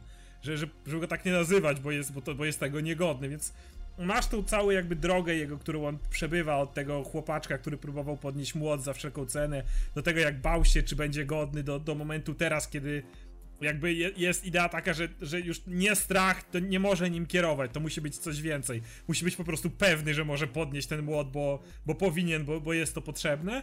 Więc, I to jest naprawdę świetnie napisane. E, dodatkowo daje to pewien taki wydaje ci się, że jest tutaj ciekawy plan, który Aaron pisał od Original Sin, e, mianowicie y, może nie od razu wymyślił wtedy jeszcze, co Nick Fury wyszeptał Thorowi i, wymyślił to sobie później, ale jakby idea, dlaczego Thor miał wtedy stracić młot, być może, że y, urodziła się już wtedy i teraz jest jakby dopiero tego zwieńczenie. Czyli właśnie idea była taka, że Thor musi dorosnąć, że musi stać się kimś więcej. Bo to, co mówi w ostatnich słowach Unseen, czyli ten Nick Fury de facto, mówi, że to, co zakończyło się od szeptu, zakończy się grzmotem, że jakby to, to, to, że on mu to wyszeptał, to nie chodziło o to, że on powiedział, he, patrz Thor, teraz cię pozbawię młota, ty chuju, tylko było na zasadzie takiej, tak, że, że jakby, jak, ponieważ on, on widział przyszłość, on zobaczył to oko Watchera i wiedział jakby do czego to może doprowadzić, to wiedział, że wy, jakby ustawić Thora na ścieżce, na końcu której stanie się kimś więcej. I, I widać, że to się stanie. Także ja jestem dalej zachwycony tą serią. Już został tylko jeden zeszyt i, i Aaron tutaj faktycznie wie, co chce. To jest gość, który zna Odinsona, pisze, pisze ogólnie Thora, pisze już to od wielu lat naprawdę się wkręcił, jest rewelacyjnym scenarzystą i, i to ogarnia. Mi się tak średnio podobało, szczerze mówiąc. Znaczy, to, zgadzam się jak najbardziej z tym, że to jest historia o dorastaniu Thora, ale chciałem, żeby to było jakby zaprezentowane trochę bardziej organicznie, nie na zasadzie, że okej, okay, to mieliśmy dwa zeszyty, kiedy coś się działo, a teraz niech się wszyscy, teraz robimy czas stop, niech się wszyscy tam napierdalają, a my w tym czasie sobie przypomnimy historię Thora przez różne czasy. Miałem poczucie, że po prostu akcja musi na chwilę zatrzymać, żeby wytłumaczyć pewne rzeczy. E, natomiast to był powód do tego, żeby przy, tutaj przywołać paru znakomitych rysowników i ten zeszyt wyglądał fantastycznie, no bo mówimy o jednym zeszycie komiksowym, gdzie mamy tak. Oliwiera Koipiela, mamy e, Fraziera Irvinga, mamy Russella Dautermana, który rysuje e, Mighty Thor regularnie, no i jest Adari Bicia. I oni wszyscy rysują, rysują no niektórzy, niektórzy więcej, niektórzy mniej, ale wszyscy się w tym zeszycie pojawiają i po prostu jest uczta dla oczu ogólnie. To raz. No ale to wiadomo, no ja się spodziewałem, że, ten że ta cała seria będzie służyć tylko jednemu, żeby Thor mógł odzyskać mocy, żebyśmy się o nim czegoś więcej dowiedzieli i to faktycznie jest, jest w dużej mierze spełnione. Natomiast ja jestem ciekaw, jak Aaron wybrnie z tych y, problemów y, z continuity, które tu się pojawiają, bo o ile dobrze pamiętam i jeśli słucha nas ktoś, kto się zna lepiej, to, to, to, nie, to byłbym wdzięczny, gdyby mógł to zrewidować, bo akurat Thor w uniwersum Ultimate nosił kilka różnych Mjolnirów, każdy miał inne pochodzenie i różne właściwości, natomiast ten konkretny, ten taki toporomłot, który tutaj widzimy, to był kawałek technologii, to nie był magiczny miecz, y, młot, ani w tym stylu, tylko to był technologiczne narzędzie, które było baterią zasilającą cały kostium tego Ultimate Thora. E, I jestem ciekaw, jak Aaron teraz wytłumaczy to, że on ma te magiczne właściwości i Thor go podnosi i nagle już dostaje ci, moc Thora. Już ci tłumaczę jak. To, bo to nie, nie jest no, tak totalnie młot ze świata Ultimate. Pamiętaj, że ten młot nie przyleciał tutaj ze świata Ultimate, tylko przyleciał z Secret Wars, tego e, Battle Worldu, mm. tego Duma. I tam te młoty były jakby na nowo tworzone. Pamiętaj, że tam była cała masa torów. I, był, yy, I każdy z nich miał młot, który wyglądał inaczej, ale działał na tej samej zasadzie, więc po prostu to jest. I na końcu to ten młot przebija się jakby przez ścianę rzeczywistości i ląduje tutaj, więc wyda- na, w tej Asgardii. Więc wydaje mi się, że to bardzo prosto wyjaśnią, mianowicie, hej, to jest ten młot z Battle Worldu, a nie z Ultimate. Ultimate już nie istnieje, who cares. No zobaczymy. No, no. Raczej się skończy wyjaśnienie na who cares, dlatego że no, to jest... Tak. Dlatego, znaczy, że pomyśl, jest... mógłbym tak powiedzieć, ale z drugiej strony no, Jason Aaron wydaje mi się, że dba, dba, o tego typu rzeczy. Wydaje mi się, że jednak by tego nie zostawił, tak? I, i w jakiś sposób to zostanie pisał, wyjaśnione. Kto pisał y, Time Thors? No do, Aaron właśnie. E, no to nie będzie musiał nic voilà. bo, ta, bo, tam pokazał, że to jest młot, y, że tam jest masa tych młotów i to jest jeden z nich. No było, było Secret Wars i ono zmodyfikowało rzeczywistość, proszę. No, tyle. Okej, okay. no zobaczymy. Eee... Ja wiesz co, ja wolę takie podejście niż jakby miał być specjalny zeszyt poświęcony temu, że tak. hmm, ten młot jest technologią, ale jednak tak. jest magiczny. Znaczy nie, no jasne. Cóż za ciekawe. Pójdę do Tonego Starka, a nie, Tony Stark nie żyje. Pójdę do kogoś innego. Już bardziej mi się podoba ten motyw, jak właśnie każdy, kto próbuje podnieść ten młot, albo jest, jeżeli jest trochę wytrwalszą istotą, to dostaje mocnego kopa i odlatuje, a jak jest słabszą istotą, to go spala na miejscu. To mi się dużo bardziej podobało niż teraz tłumaczenie, że jest to, to jakaś technologia. Raczej ten motyw, że właśnie masz być wardy, bo jak nie, to cię pierdolnie. To wolę to. No nie, no wiesz, no to też nie jest kwestia, której ja bym się tutaj awanturował, ale to mm, kto wie, czy to nie byłaby, wiecie, jakiś pretekst do e, jakiegoś rozwinięcia, powiedzmy, tego młota, powiedzmy. No Aaron już zdążył znaczy... opowiadać historię o klasycznym Mjolnirze, to mógłby równie dobrze opowiedzieć i o tak. tym, nie? Ale, ale, akurat to jest prawda. Nie obraziłbym się, gdyby faktycznie pojawiła się dodatkowa historia, w której dowiadujemy się czegoś więcej o tym młocie, bo skoro tak niedawno Aaron zrobił całą genezę Mjolnira i o tej wielkiej kosmicznej burzy, która, którą Odyn zamknął w kawałku uru i tak dalej, i tak niedawno to pisał, to faktycznie nie zdziwiłbym się, gdyby zrobił genezę tego, tego młota. Oczywiście olewając cały ten technologiczny bullshit, ale o innej burzy, która szalała gdzie indziej, albo wydaje mi się, że, że to faktycznie może się stać, bo, bo zaledwie ile? Dwa miesiące temu mieliśmy trzy genezę normalnego Mjolnira, więc faktycznie może się to stać. Mówię, to ma jakiś Ale tutaj, potencjał, jestem właśnie Tu też ciekaw. ciekawostka, no. ja bym wtedy chciał wiedzieć, jak to się ma do Stormbreakera też, no bo Beta Ray Bill też macha takim samym młotem, a znaczy znamy genezę Stormbreakera, bo, bo, bo ona była normalnie w komiksach, tylko że na tle tego, co wiemy o Mjolnirze, ona teraz trochę nie ma sensu, więc... Jezu, serię nie... wam dać o młotach, gdzie głównymi ale... bohaterami będą młoty. Ale Będzie cały zespół. Ja mogę czytać serię o młotach Arona, nie ma sprawy. Tak, ale wiesz co, jak Aaron skończy teraz tą wojnę Shiar Asgard, naprawdę się nie zdziwię, jeżeli da jakiś, nie wiem, 4-5 zeszytowy, wiesz, story arc. Hammers. Hammers. No ale mówię autentycznie, poważnie, nie zdziwiłbym się i jeszcze nie miałbym nic przeciwko. Aaron mi może pisać o młotach, tak jak mówisz, będę czytał. Nie no, Aaron to może mi pisać jak trawa rośnie, to się nie obraża. Ale to trochę, wiesz, absurdalny pomysł. Nie, nie, sądzę, że taki origin jest potrzebny tutaj, szczególnie biorąc pod uwagę taką niepewną naturę tego młoda. No właśnie o to chodzi, że to jest Cały czas niepewne... mówią o nim Cały czas mówią o nim, że jest Ultimate Hammer, a on nie jest do końca Ultimate, no bo on jest... No właśnie o to chodzi, że oni mówią, że to jest Ultimate Hammer. Wszędzie, we wszystkich tam Wikipediach innych właśnie Marvel Wikis podają, że to jest e, właśnie Mjolnir from tam Earth 1610 e, tak, także wiesz, no ja tak od razu zaakceptuję. No tak za... do końca nie jest. No, no. no właśnie, no, no, może to kiedyś tam wyjaśnię. No mówię, to nie jest priorytet jakby co, ale, ale nie, nie obraziłbym się, no bo kurczę, no to jest jednak Mjolnir, nie? No jakby się, ważna, ważna, ważny też... element całego tutaj mitu. To, tu chcę wtrącić, że bardzo podobało mi się to, jak Aaron właśnie w Secret Wars w tym tainie Thors e, ujął to, dlaczego, że ten Thor, który nosił owy młot, ten z Ultimate, E, był najlepszym detektywem i zawsze doprowadzał każdą sprawę do końca i dlatego był nazywany The Ultimate Thor. I to tylko dlatego. To był tak dobry w swojej pracy, że był The Ultimate Thor. To było tak głupie, ale przy okazji to strasznie zabawne. Okej, okay, dobra. To jeszcze, jeszcze jedna rzecz z Marvelem została Inhumans vs. X-Men, zeszyt, który to? Czwarty? Czwarty. No, był spoko. ja ogólnie, ogólnie jestem cały czas zadowolony z tej serii. Nie, nie jakby nie rzucam mi na kolana. Nie, nie, ale nie wiem, czy to nie dobrze, czy to nie jest właśnie dobrze, że w tych, w tych odcinkach nie mamy jakichś super cliffhangerów, jakichś wielkich zwrotów akcji i tak dalej. Tylko to sobie tam biegnie jakoś tam i jakby ta historia jest w miarę spokojnie prowadzona i nie, nie przeszkadza mi Zapytaj to Zapytaj Bendisa.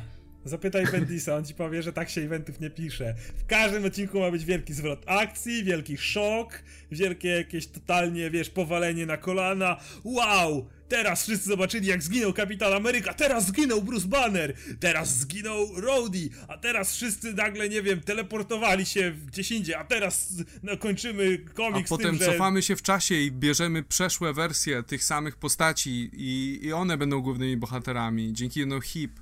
To jak Lemir i Soul piszą, ten, ten event jest zdecydowanie dobrą drogą. Ten, ten, też ten odcinek był dużo spokojniejszy, tutaj nie było żadnej akcji, nie działo się, nie było żadnych walk, co w tego typu eventach wydaje się niespotykane, bo Inhumans vs. X-Men, no to powinniśmy oglądać w każdym następnym odcinku, jak się kolejne pary ze sobą napierdalają, czy coś takiego. Tutaj największą akcję, jaką mieliśmy, to Inhumans, którzy rozwalili barierę. Nie, no najważniejsza rzecz, która się wydarzyła w ostatnim czasie właśnie w tym konflikcie, no to jest to, że część postaci z drugiej strony konfliktu dowiedziała się prawdy o Cyclopsie. E, dowiedział się mm. o tym, e, tego się dowiedzieliśmy w Tainie All New X-Men, e, młody Cyclops, że... Mm, znaczy rzecz w tym, że Mozaik się wkradł właśnie do siedziby X-Men i z, magnet, z głowy Magneto wyciągnął sobie e, no, informacje, więc... A potem przeskoczył do głowy Cyclopsa i też... I, i jakby Cyclops się też o tym dowiedział. Tego młodego Cyclopsa. Więc Cyclops już wie o tym, ale jest jakby uśpiony, bo Mozaik używał jego ciała no i New Humans, z którymi Mozaik współpracował, też o tym wiedzą i zobaczymy co dalej. No, młody Cyclops się wkurzył i powiedział, że Emma Frost dostanie w pierdol po tym, także zobaczymy. tu się tu się pojawił dosyć fajny zwrot. W ogóle bardzo ten był oparty na mozaiku i ta oczywiście absurdalna scena, kiedy wlatuje w ciało Magneto i wszyscy, wszyscy tak patrzą, a Magneto taką głupią minął, muszę siku. I, i poleciał. I ten Iceman taki, czy, czy to się właśnie stało? Nie no, ale to było fajne, Magneto go wypieprzył w zasadzie z głowy za chwilę, nie? Jak tylko w zasadzie Tak, Magneto jest tak, tak, silny, że, że był w stanie go wyrzucić. Natomiast naj, najważniejszy element tego komiksu po, oczywiście poza tym, że mieliśmy badasową scenę Kolosusa, który, o, dobra, tak. kto pierwszy na, kto pierwszy na solo? Do, no do, tak, do bo Kolosus został jako jedyny w Limbo w X-Haven I tak mówią, i, i, ci mutanci mówią do niego, ej Colossus, bo my tu jesteśmy zajęci, to weź odeprzyj tak wszystkich Inhumans. On mówi, on mówi okej. Okay. I po prostu no, sam to takie, wychodzi. To, to takie badasowe, bo Kolos mówi, co mam sam to odeprzeć? Tak, nikt inny nie może przybyć. Spoko, nie ma problemu, ja tylko chciałem upewnić się, czy dobrze cię zrozumiałem. Wiesz, takie wychodzi taki z ognia Kolosus, dobra, kto pierwszy? Nie, ale najważniejszy element tego komiksu był taki, kiedy Mozaik dowiedział się, o tym, że no Terrigen się zaczyna wchłaniać, no tak, tak. że zaraz będzie toksyczny. I ci wszyscy New Humans, którzy póki co tak wesoło się skrzyknęli, ej, odeprzyjmy mutantów, nie, uratujmy rodzinę królewską, no i Kamala pierwsza zadała pytanie tak do nich, okej, okay, to czy na pewno jesteśmy good guys tutaj? Kto, kto tu jest dobry, nie? W zasadzie. Kto, kto tu jest, dobry, stronie. bo właśnie walcz, walczymy z mutantami, którzy zaraz będą tutaj No tak, umierać. bo oni się w tym momencie zorientowali, że faktycznie mutanci zaatakowali, bo nie mieli innego wyjścia. To już było ostateczność, tak. nie? W sensie ci młodzi I, ten... Humans się zorientowali, że, że faktycznie tak było, no i możliwe, że to wpłynie teraz na ich przynależność albo nie wiem, no, działania. Na pewno nie będzie, na pewno nie będzie teraz bezpośredniego ich wspierania, wiesz. Meduza czy tam e, reszta wyjdzie z Limbo, ale myślę, że kiedy będą chcieli zrobić jakiś odwet na mutantach, nie zdziwię się jak Kamala, Moon Girl czy Reader staną. Kamala jest jak jakiś Gandhi teraz po prostu, po prostu. Oczywiście. jest w ogóle teraz y, takim, wiesz, wyznacznikiem etyki w tym świecie. Za każdym razem, tak, jak ktoś tak, się tak. wkurwia, że coś jest nie tak, no to to jest Kamala. Tak, ale nie, dalej mi się ten event podoba, właśnie przez to to był dużo spokojniejszy numer, ale jakby wnoszący wiele, wiele informacji zostało ujawnionych różnym stronom, więc fabuła idzie do przodu, intryga idzie do przodu, ale to nie znaczy, że musimy widzieć cały czas efekciarskie napierdalanki, czy jakieś zwroty akcji. No, to jest taka miła fakt... odmiana po prostu po tych poprzednich eventach. To jest taka miła odmiana po na przykład Avengers vs. X-Men, gdzie się napierdalali praktycznie gdzie cały, cały czas. czas miałeś walki. A tu, tu mamy taki spokojny event i praktycznie działania bohaterów zwykle mają sens, wynikają z logicznych przesłanek. Tak. Jak się sytuacja zmienia, to i działania bohaterów się zmieniają, bo to ma sens. Także doceniam bardzo, w jaki sposób to jest pisane. To nie jest tak, że dzięki temu, że wzięli Soula, który od dawna siedzi przy e, Inhumans i Lemira, który już od dłuższego czasu siedzi przy X-Men, e, każda postać jest faktycznie zgodna ze swoim charakterem, co bywa często kłopotliwe w eventach, kiedy nagle siada za event zabiera się scenarzysta, który nie pisał danych postaci w danym momencie, jak szczególnie robił to Bendis e, ostatnio, ale nie tylko, to nie można tutaj tylko i wyłącznie Bendisa krytykować. Nie jednemu scenarzyście zdarzyło się, że w czasie eventu nagle jakiś bohater zachował się kompletnie poza swoim charakterem, to tutaj dzięki temu, że pisze to dwóch gości, którzy faktycznie od dawna przy tych postaciach pracują, wszystko jest ze sobą umotywowane albo tym, co się działo, albo charakterem postaci. To trzeba naprawdę docenić. No, to prawda. Także na razie, na razie ja też propsuję. E, no i dobra, i na koniec przeskoczmy sobie jeszcze w takim razie do DC i do tak. świata Supermana. I ja, nowego Supermana. Nowego Supermana.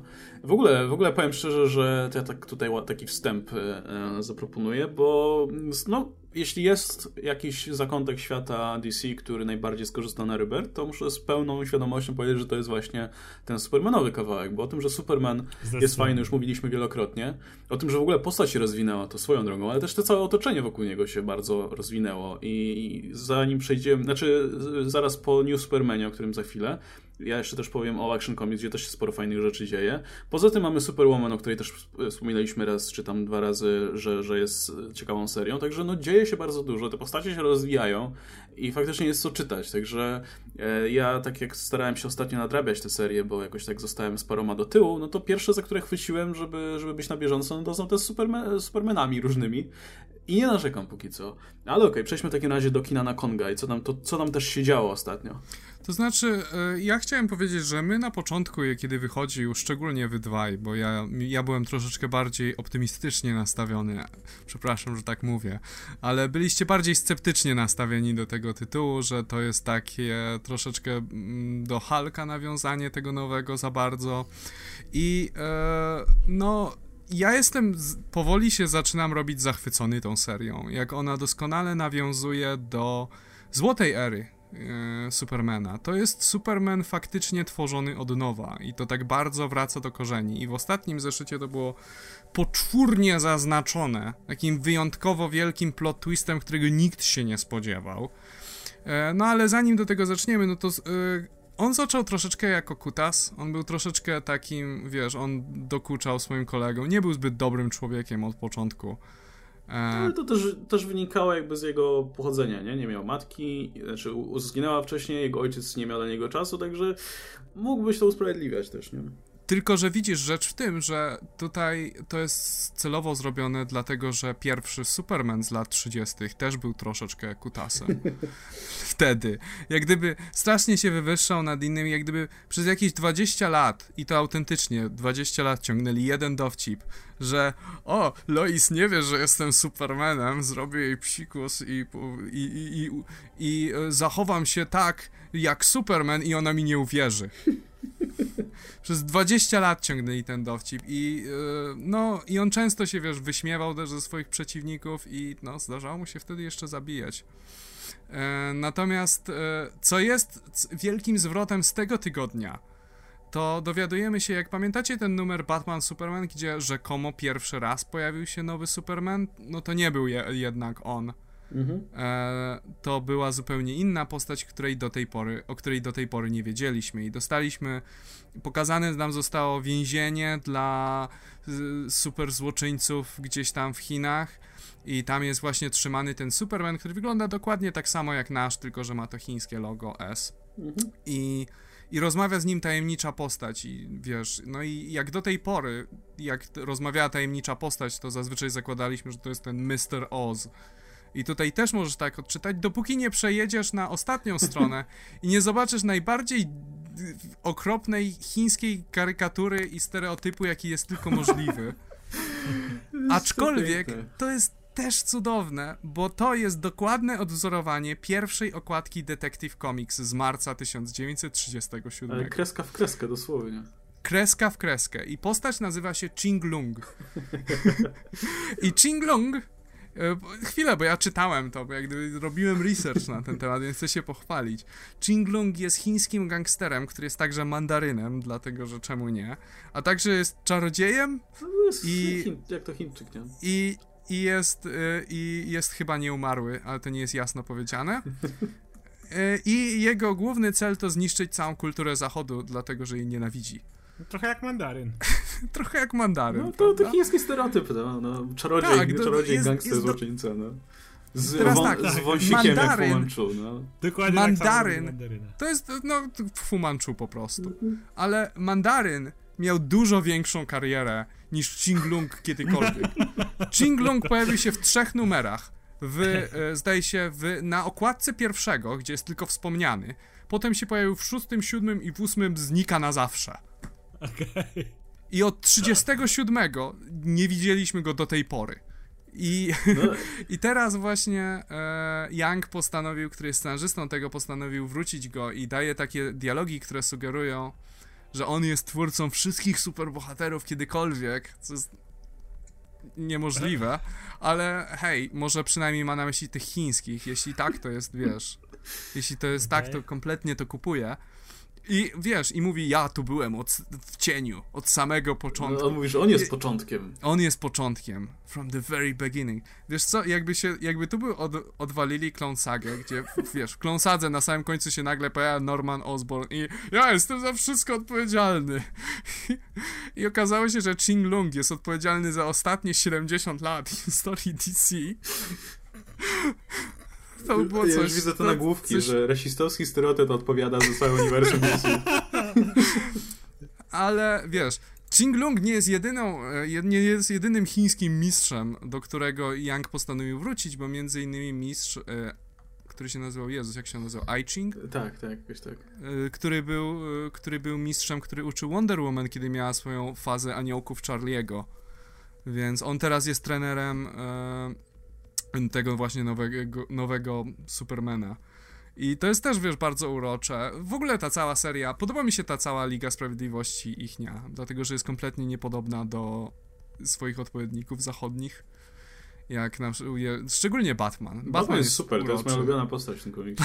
tak. Jest genialny. Jest, je, jest e, lek, ma lekką nadwagę. Wygląda uroczo w tym kostiumie takim obcisłym. Tak, ale jest przy tym geniuszem, jest przy tym, wiesz, ma, ma wiele cech tego klasycznego Batmana, po prostu jest, wiesz, jest rodzinny, to jest, wiesz, nie jest, no można powiedzieć, że Batman jest rodzinny, ale ten jest rodzinny w inny sposób, taki autentyczna rodzina, nie moi Robini i Alfred. I ta, jak gdyby tyle mam do powiedzenia. Nie wiem, do czego zmierzałem w tym momencie. Prze da, oddaję ci pałeczkę, Łukasz. E, no ja, ja muszę powiedzieć, że tak, że, że ta seria jest absolutnie świetna. Też na początku aż tak mi nie kupowała, ale jak się rozkręciła i zaczęto właśnie jak e, Jean Wen Yang zaczął rozwijać te postacie i z tej takiej bardzo szorstkiej przyjaźni, z takich e, dosyć archetypicznych powiedzmy ról, te postacie nagle zaczęły nabierać, może nie głębi, ale charakteru to, to no, wciągnąłem się w to bardzo i, i, i naprawdę to się świetnie, to jest naprawdę świeże o, w ten sposób. Niby bierzemy koncept Supermana i, i e, powiedzmy Ligi Sprawiedliwości tutaj chińskiej, ale jednocześnie konfrontujemy je z ich z problemami, których no, amerykańscy bohaterowie nie mają siłą rzeczy. Poza tym jest cały ten motyw właśnie walki o wolność i demokrację w Chinach, która wcale nie jest jednoznacznie pokazana, nie do końca wiadomo tak naprawdę, kto jest po dobrej stronie, a kto nie, i czy używa dobrych metod, czy nie. Nie wiemy do końca, jakie są intencje tej całej organizacji, powiedzmy, tej całej instytucji, która w ogóle tych, tą samą Ligę Sprawiedliwości powołała. Jest ten świetny konflikt, gdzie ten, ten ostatni cliffhanger, przedostatni w zasadzie, gdzie dowiadujemy się, że ta doktor Omen, która stoi w ogóle za tym całym Ligą Sprawiedliwości chińską, e, tak naprawdę by, e, tutaj była zakochana w ojcu tego Kinana Konga i jednocześnie wiemy, że jego matka też zginęła z jakiegoś powodu i być może, może ta pani doktor jest tu zamieszana, nie wiemy. No, jest masa takich rzeczy, które e, no, mają spory potencjał. Plus bardzo podoba mi się też oprawa graficzna. W, ostatnim zeszycie akurat już to inny ilustrował, ale przez większość, e, wydaje mi się, zeszytów odpowiada za oprawę Wiktor Bogdanowicz. I to, to jest kreska bardzo podobna do Grega Capullo.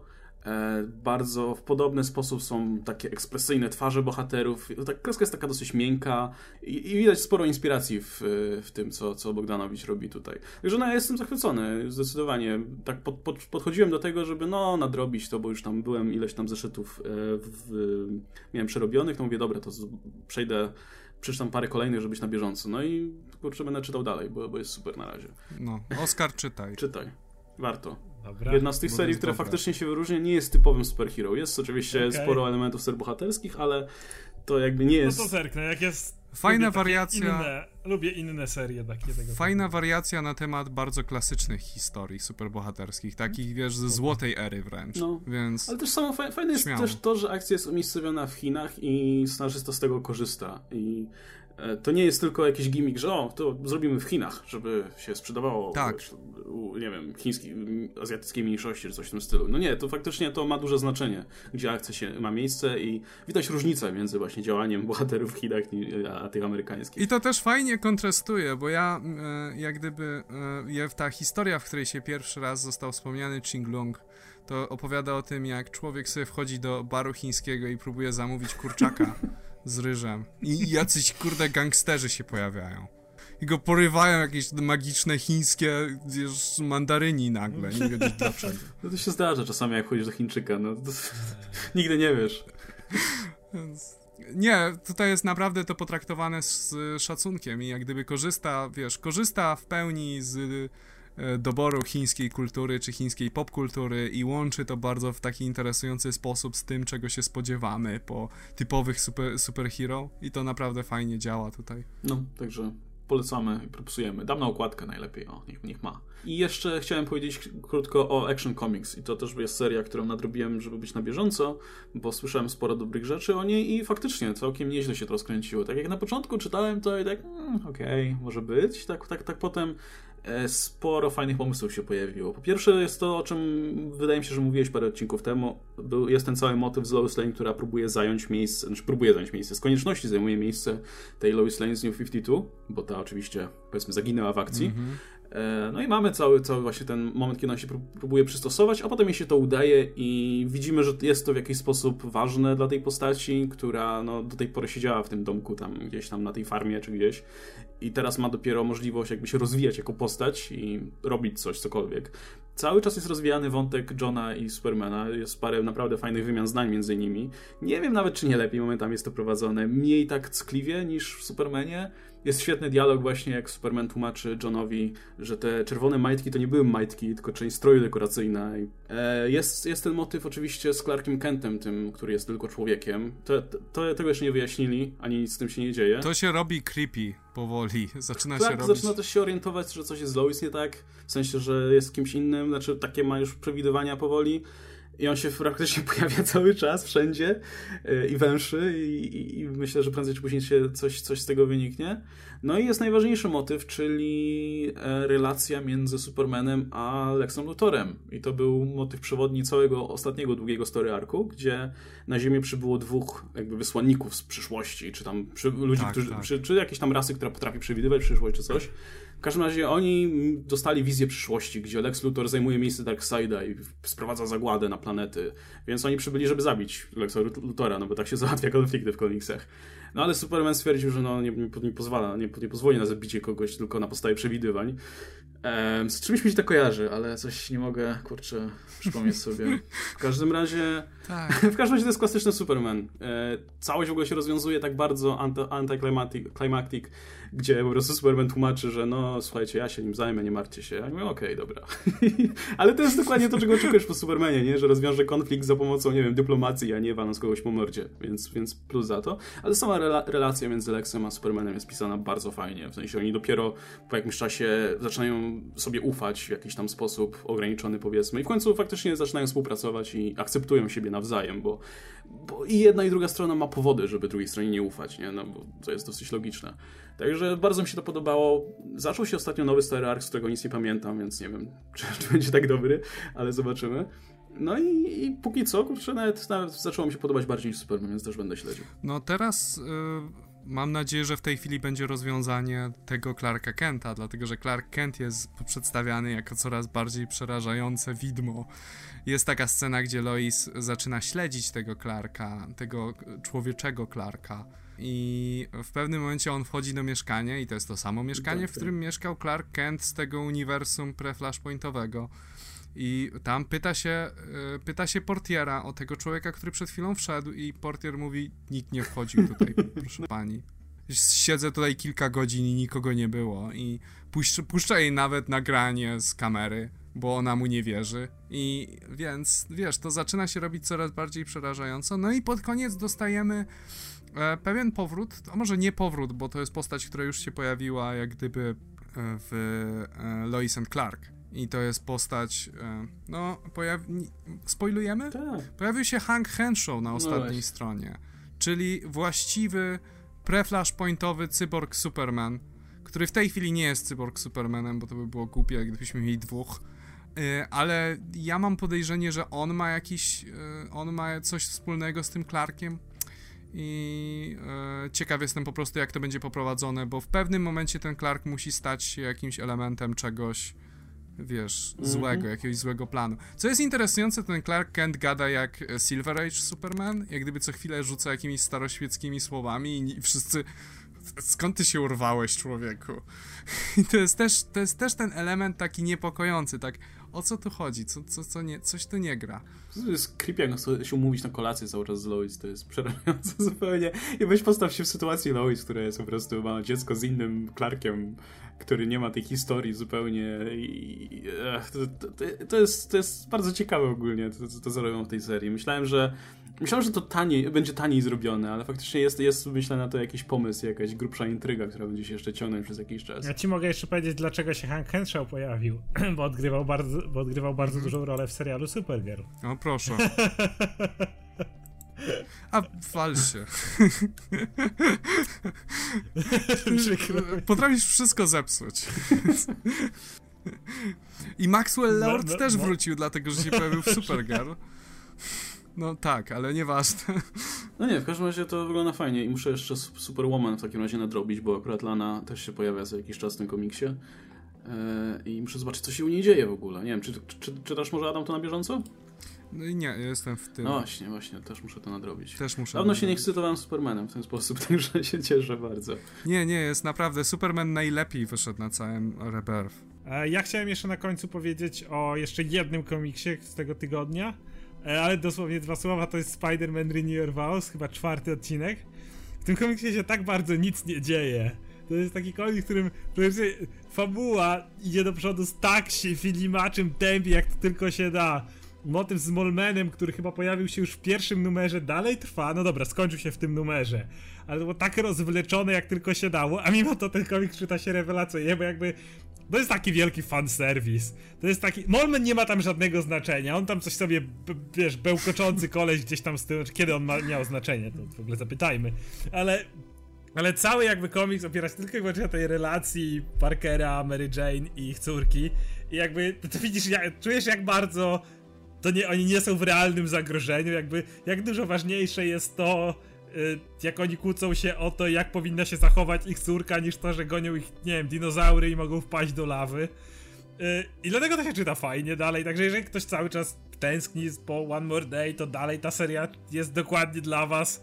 Y, w tym jeszcze w tej serii był rewelacyjny motyw, jeżeli jesteście fanami fistaszków, to był motyw, kiedy Mary Jane i Peter zaczynają kłócić się o to, znowu, co Eni powinna zrobić. I mamy nagle, przechodzimy na kadr z perspektywy Eni i mamy tak jak w fistaszkach dorośli mówią mniej więcej słychać takie czy nie możemy zrozumieć co oni mówią tutaj dokładnie tak mamy takie szlaczki po prostu i od czasu do czasu słowo Eni i, i, nic więcej, że jest bla bla bla bla bla Eni, a potem szlaszki, szlaszki, szlaczki Eni i, i nic więcej, jakby tak jak ona słyszy w tym momencie swoich rodziców. No i e, Annie otrzymała na końcu pseudonim. Jest teraz. E, Peter Parker jest Spider-Man, Mary Jane to Spinneret, a Annie jest Spider-Link, przy czym to nie jest pseudonim, który jej się podoba, ale tata powiedział jej, że albo będzie lubiła ten, albo żaden. Więc. Więc to, to jest jedyna opcja. Także to, to jest dalej taki mega fanserwis po prostu dla osób, którzy tęsknili za związkiem Petera i Mary Jane. Bo w tym komiksie ewidentnie o zupełnie nic innego nie chodzi, ale mi to odpowiada. Cieszę się, że motywy rodzinne jak gdyby powracają trochę do łask w komiksach i jest coraz więcej takich historii o o dziedzictwie, o rodzinie i tak dalej, bo jakby ja to wynoszę z New 52 jako fan DC. Ja my odnosiłem wrażenie jak ostatnie lata to przede wszystkim super hip nowi bohaterowie, którzy mają tam 14 lat, albo to są totalnie ci sami bohaterowie, ale są młodzi i są, wiesz, hipsterami czy czymś i ja byłem tym trochę zmęczony już na tym etapie, więc cieszę się, że te wątki powracają. No dobra, w takim razie na tym myślę możemy zakończyć i zapraszamy oczywiście na Facebooki, na kanały i widzimy się za tydzień. Ze mną był oczywiście Adam Antolski, Anko Mruwa. Hej wszystkim. I Oskar Rogowski, Komiksomaniak. Cześć wam. Dzięki za uwagę, cześć.